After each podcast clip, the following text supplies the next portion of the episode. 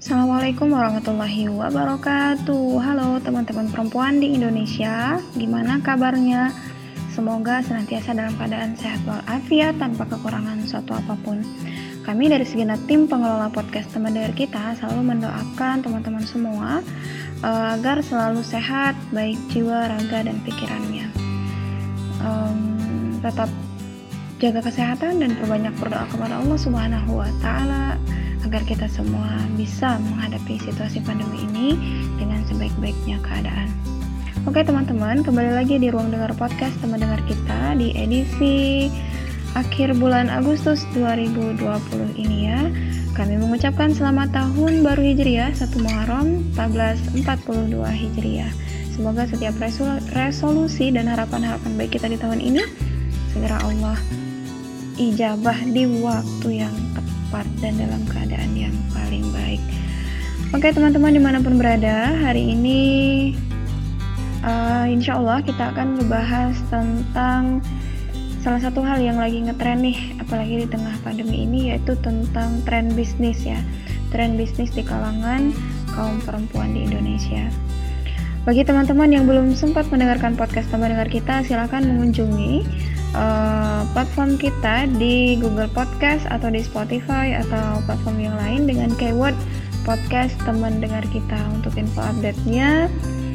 Teman-teman boleh mengunjungi di akun Instagram kita teman dengar kita. Oh ya, kami mengucapkan barokallah bagi dua orang pemenang giveaway bulan lalu yang memenangkan dua buah hijab syari yang dipersembahkan oleh hijab syari ini aja kamu mau mendapatkan giveaway-nya, silahkan pantengin terus pengumuman-pengumuman giveaway di setiap akhir bulannya. Untuk ngebahas tema tentang tren bisnis bagi kaum perempuan di Indonesia, kali ini kami sudah menghadirkan salah seorang hmm, pegiat bisnis muda ya, uh, yang insya Allah sangat menginspirasi kita. Beliau adalah distributor center dari salah satu produk herbal yaitu produk KNI ya teman-teman ya kalau di uh, sebagian besar kalangan masyarakat insya Allah sudah mengenal produk ini dan uh, produk herbal yang menyediakan uh, aneka ragam ya aneka ragam jenis baik itu untuk obat-obatan ataupun untuk kecantikan juga seperti itu. Selamat datang Kak Komarila. Izinkan kami memanggil Kakak dengan sebutan Kakak Kokom, ya. Kakak Kokom ya. gitu ya. Selamat datang Kak Kokom. Sudah uh, menyempatkan diri untuk hadir di ruang dengar podcast teman dengar kita. Kami ucapkan terima kasih banyak. Nah, gini nih Kak Kokom. Menurut Kak Kokom, uh, kenapa sih kita tuh harus berbisnis gitu? Uh, apalagi di situasi pandemi seperti ini Mohon uh, pandangannya kepada Kak Kokom, silahkan. Assalamualaikum warahmatullahi wabarakatuh. Uh, terima kasih atas kesempatannya untuk bergabung di podcast teman dengar kita. Pada kali ini saya uh, diminta untuk sedikit menyampaikan uh, mengenai kenapa berbisnis di tengah pandemi. Langsung saja Kenapa harus berbisnis di tengah pandemi seperti ini? Ya, karena pada masa pandemi inilah sebenarnya peluang berbisnis itu meningkat. Karena banyak orang-orang yang memilih bisnis itu menjadi jalan solusi dalam perekonomian mereka. Apalagi di tengah masa pandemi ini yang kita ketahui bahwa masa pandemi ini telah menjatuhkan perekonomian dunia sehingga orang-orang apa pun yang dilakukan orang-orang itu akan menjadi uh, akan terasa berat dan akan terasa sulit. Nah, tapi dengan adanya bisnis kita bisa tetap berbisnis atau tetap beraktivitas di tengah pandemi seperti ini. Dengan adanya bisnis, kita bisa melakukannya kapan saja tanpa mengganggu aktivitas lainnya dan bisnis ini juga bisa dilakukan oleh semua kaum, baik kaum laki-laki maupun kaum perempuan.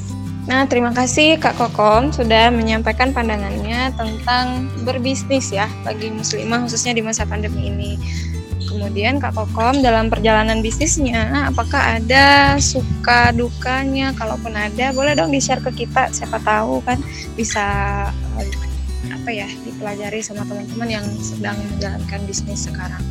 Jatuh bangun atau suka duka dalam membangun bisnis itu sudah menjadi kisah biasa dalam dunia bisnis. Terutamanya untuk seorang muslimah yang melakukan aktivitas bisnis itu akan ada suka dan duka yang dilalui. Dukanya akan ada caci maki, akan ada penolakan, dan tentunya akan ada persaingan. Nah, tapi dalam sebuah bisnis, persaingan ini sangat dibutuhkan karena menjadi hal yang utama ketika kita melakukan bisnis. Kalau tidak ada persaingan, maka eh, tidak ada yang namanya bisnis. Nah, setelah dukanya, tentu akan ada suka yang dilalui dalam sebuah bisnis. Sukanya yaitu ketika bisnis yang kita jalani itu sukses atau berhasil. Sukses di sini bukan hanya soal penghasilan saja, tapi bagaimana bisnis yang kita kembangkan atau yang kita bangun ini itu bisa bermanfaat untuk orang banyak. Dan tentu ketika kita juga membuka lapangan kerja untuk orang lain, maka itu juga merupakan salah satu uh, sukanya dalam sebuah bisnis. Oke, jadi teman-teman itu tadi ya. Jadi Kak Kom, Kak Kokom juga pernah tuh ngalamin suka duka dalam bisnis. Tapi yang paling penting bagi kita adalah uh, gimana bisa meramu rasa suka dan duka itu menjadi sebuah uh, hiasan ya dalam perjalanan bisnis kita. Duka pasti ada, suka juga pasti ada keniscayaan namanya juga perjalanan bisnis oke okay. um, baik kak kokom uh, kalau menurut kakak bisnis di era pandemi seperti ini bagaimana sih sebaiknya gitu atau uh, mungkin ada pola baru gitu yang bisa kita pakai di situasi yang seperti ini. Berbisnis di era ini sih yang paling mudah dilakukan apalagi untuk emak-emak ya atau untuk kaum perempuan. Dan tentunya tidak banyak pengeluaran yaitu bisnis secara online. Dan juga paling modalnya kita hanya membutuhkan kuota saja. Nah bisnis yang yang secara online inilah yang sudah banyak dilakukan oleh orang-orang di luar sana selain mudah dilakukan dan modalnya juga tidak banyak yang dikeluarkan tentunya kita tidak ribet untuk langsung turun atau langsung terjun ke lapangan dalam melakukan bisnis ini. Kita hanya menggunakan handphone dan modal kuota. Baik, sudah jelas ya, teman-teman. Uh, jadi, bagaimana kita bisa mengambil peluang bisnis meskipun situasi pandemi seperti ini masih terus kita hadapi.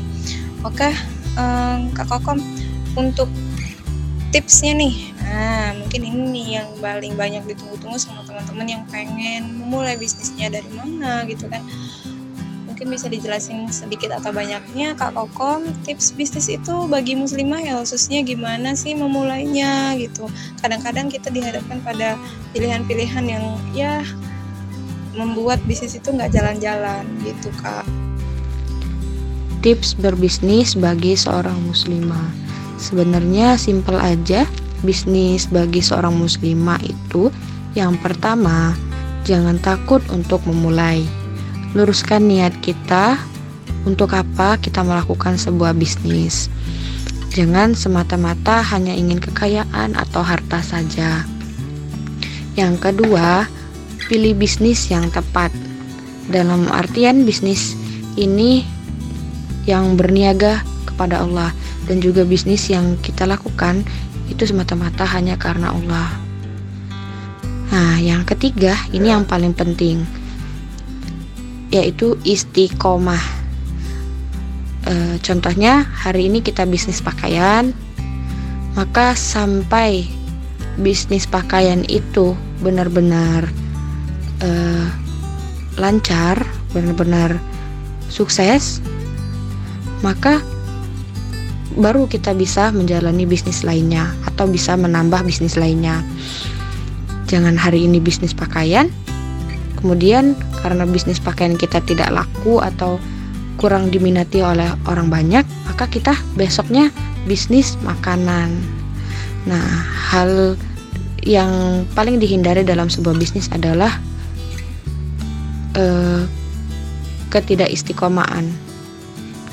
Jadi kita harus istiqomah. Kalau misalnya kita istiqomah, eh, ya kita sudah berikhtiar, insya Allah kita juga melakukan doa kepada Allah. Tentu Allah akan memudahkan bisnis kita. Ide berbisnis. Nah, ide ini biasanya kita dapatkan hmm, dari apa yang kita ingin jalankan atau yang mudah kita jalani ke depannya. Misalnya, kalau kita jualan baju baju-baju muslimah atau baju-baju koko, itu kita bisa uh, mudah menjualkannya, maka kita jalankan bisnis baju-baju muslimah atau pakaian. Tapi seandainya kita tidak mampu atau uh, ke depannya kita ragu untuk menjalaninya, maka cari bisnis yang mudah kita jalani. Jadi perencanaan yang kurang matang juga merupakan penyebab dari adanya kegagalan dalam sebuah bisnis. Nah, yang kedua itu tidak berani mencoba.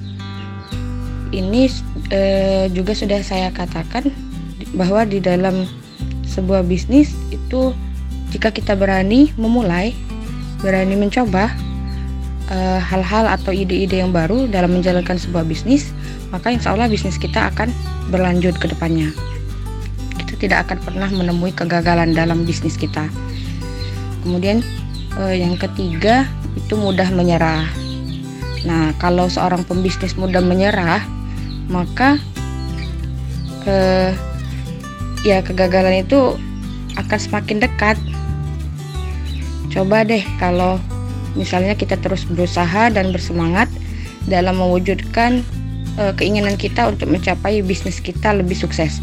Pasti kita tidak akan pernah berhenti di tengah jalan.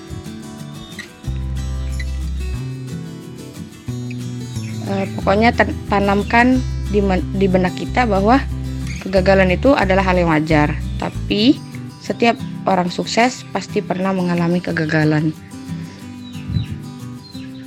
Kemudian terlalu terburu-buru juga.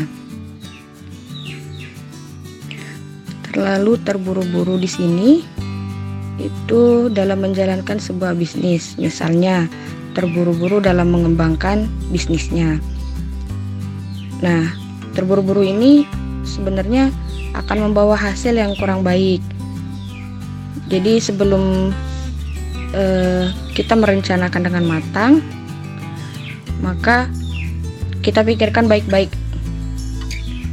dan buat rencana dengan matang.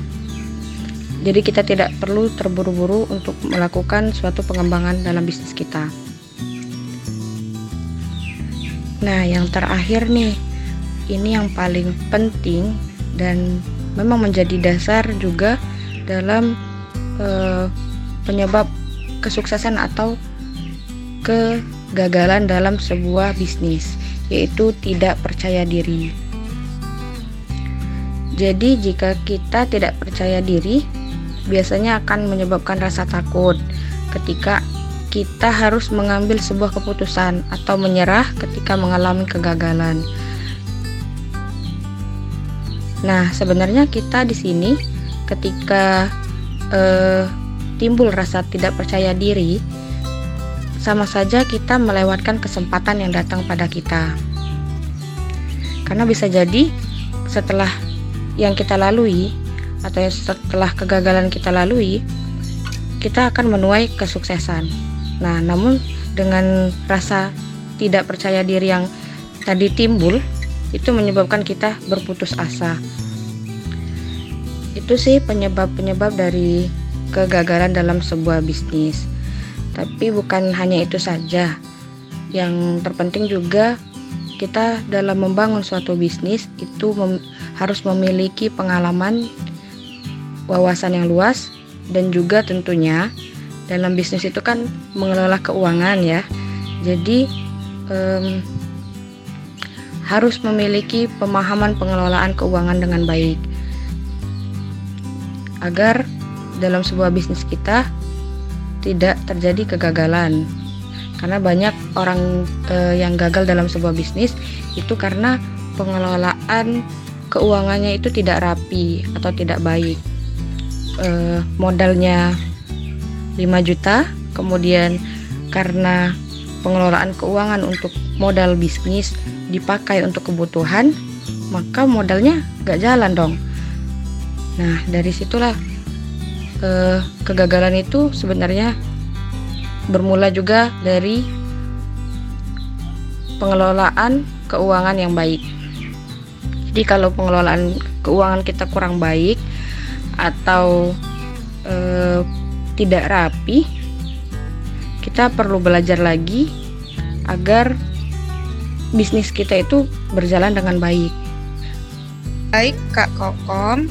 Jadi hmm, dalam perjalanan bisnis itu khususnya bagi pebisnis mula atau pebisnis awalan itu acap kali sering dihantui dengan rasa-rasa takut gagal terus uh, takut tidak bisa mengambil resiko dan ketakutan-ketakutan yang lainnya sehingga menyebabkan hmm, langkah kita untuk memulai dan menjalankan bisnis itu menjadi terhambat. Mohon uh, pencerahannya Kak Kokon untuk menangkal bagaimana kita bisa mengelola ya mengelola rasa takut akan kegagalan itu sendiri. Tips bisnis ala saya. Tips bisnis ala saya itu simple. Ikuti saja tips bisnis secara umumnya. E, jangan takut memulai, luruskan niat, kemudian pilih bisnis yang tepat yang mudah kita jalani untuk ke depannya Kemudian yang ketiga, istiqomah. Dan yang terpenting, jangan pernah mendekati penyebab-penyebab dalam kegagalan dalam bisnis. Itu saja sih dari saya. Tips bisnisnya uh, sekian. Masya Allah, Barakallah, keren banget ya teman-teman penjelasan dari Kak Kokom tentang motivasi bisnis buat perempuan-perempuan yang ada di Indonesia. So, sebenarnya ketika kita ngomongin tentang bisnis, yang harus kita lakukan adalah banyak-banyak beraksi dan uh, berani mengambil risiko apa pun itu. Termasuk ketika kita berbicara tentang kegagalan. Ya, benar kata Kak Kokom tadi, kegagalan dalam bisnis adalah hal biasa. Tapi yang tidak biasa adalah bagaimana kita bisa bangun dari kegagalan yang sudah pernah kita lalui dan hadir kembali menjadi sosok yang bang yang baru bangkit dengan penuh semangat sehingga kegagalan yang sebelumnya pernah terjadi itu tidak akan diulangi lagi. Sekali lagi terima kasih banyak ke Kokom sudah uh, meluangkan waktu untuk bersilaturahmi di podcast teman dengar kita.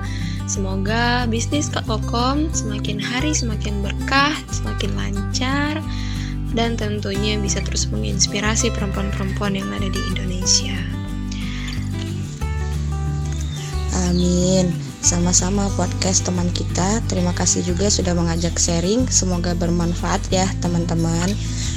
Saya tutup perjumpaan kali ini. Wassalamualaikum warahmatullahi wabarakatuh.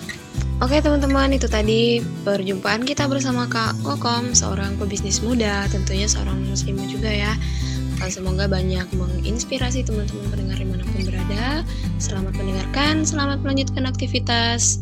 Sampai jumpa di episode berikutnya. Akhir kata dari saya, Kak Korea. Wassalamualaikum warahmatullahi wabarakatuh.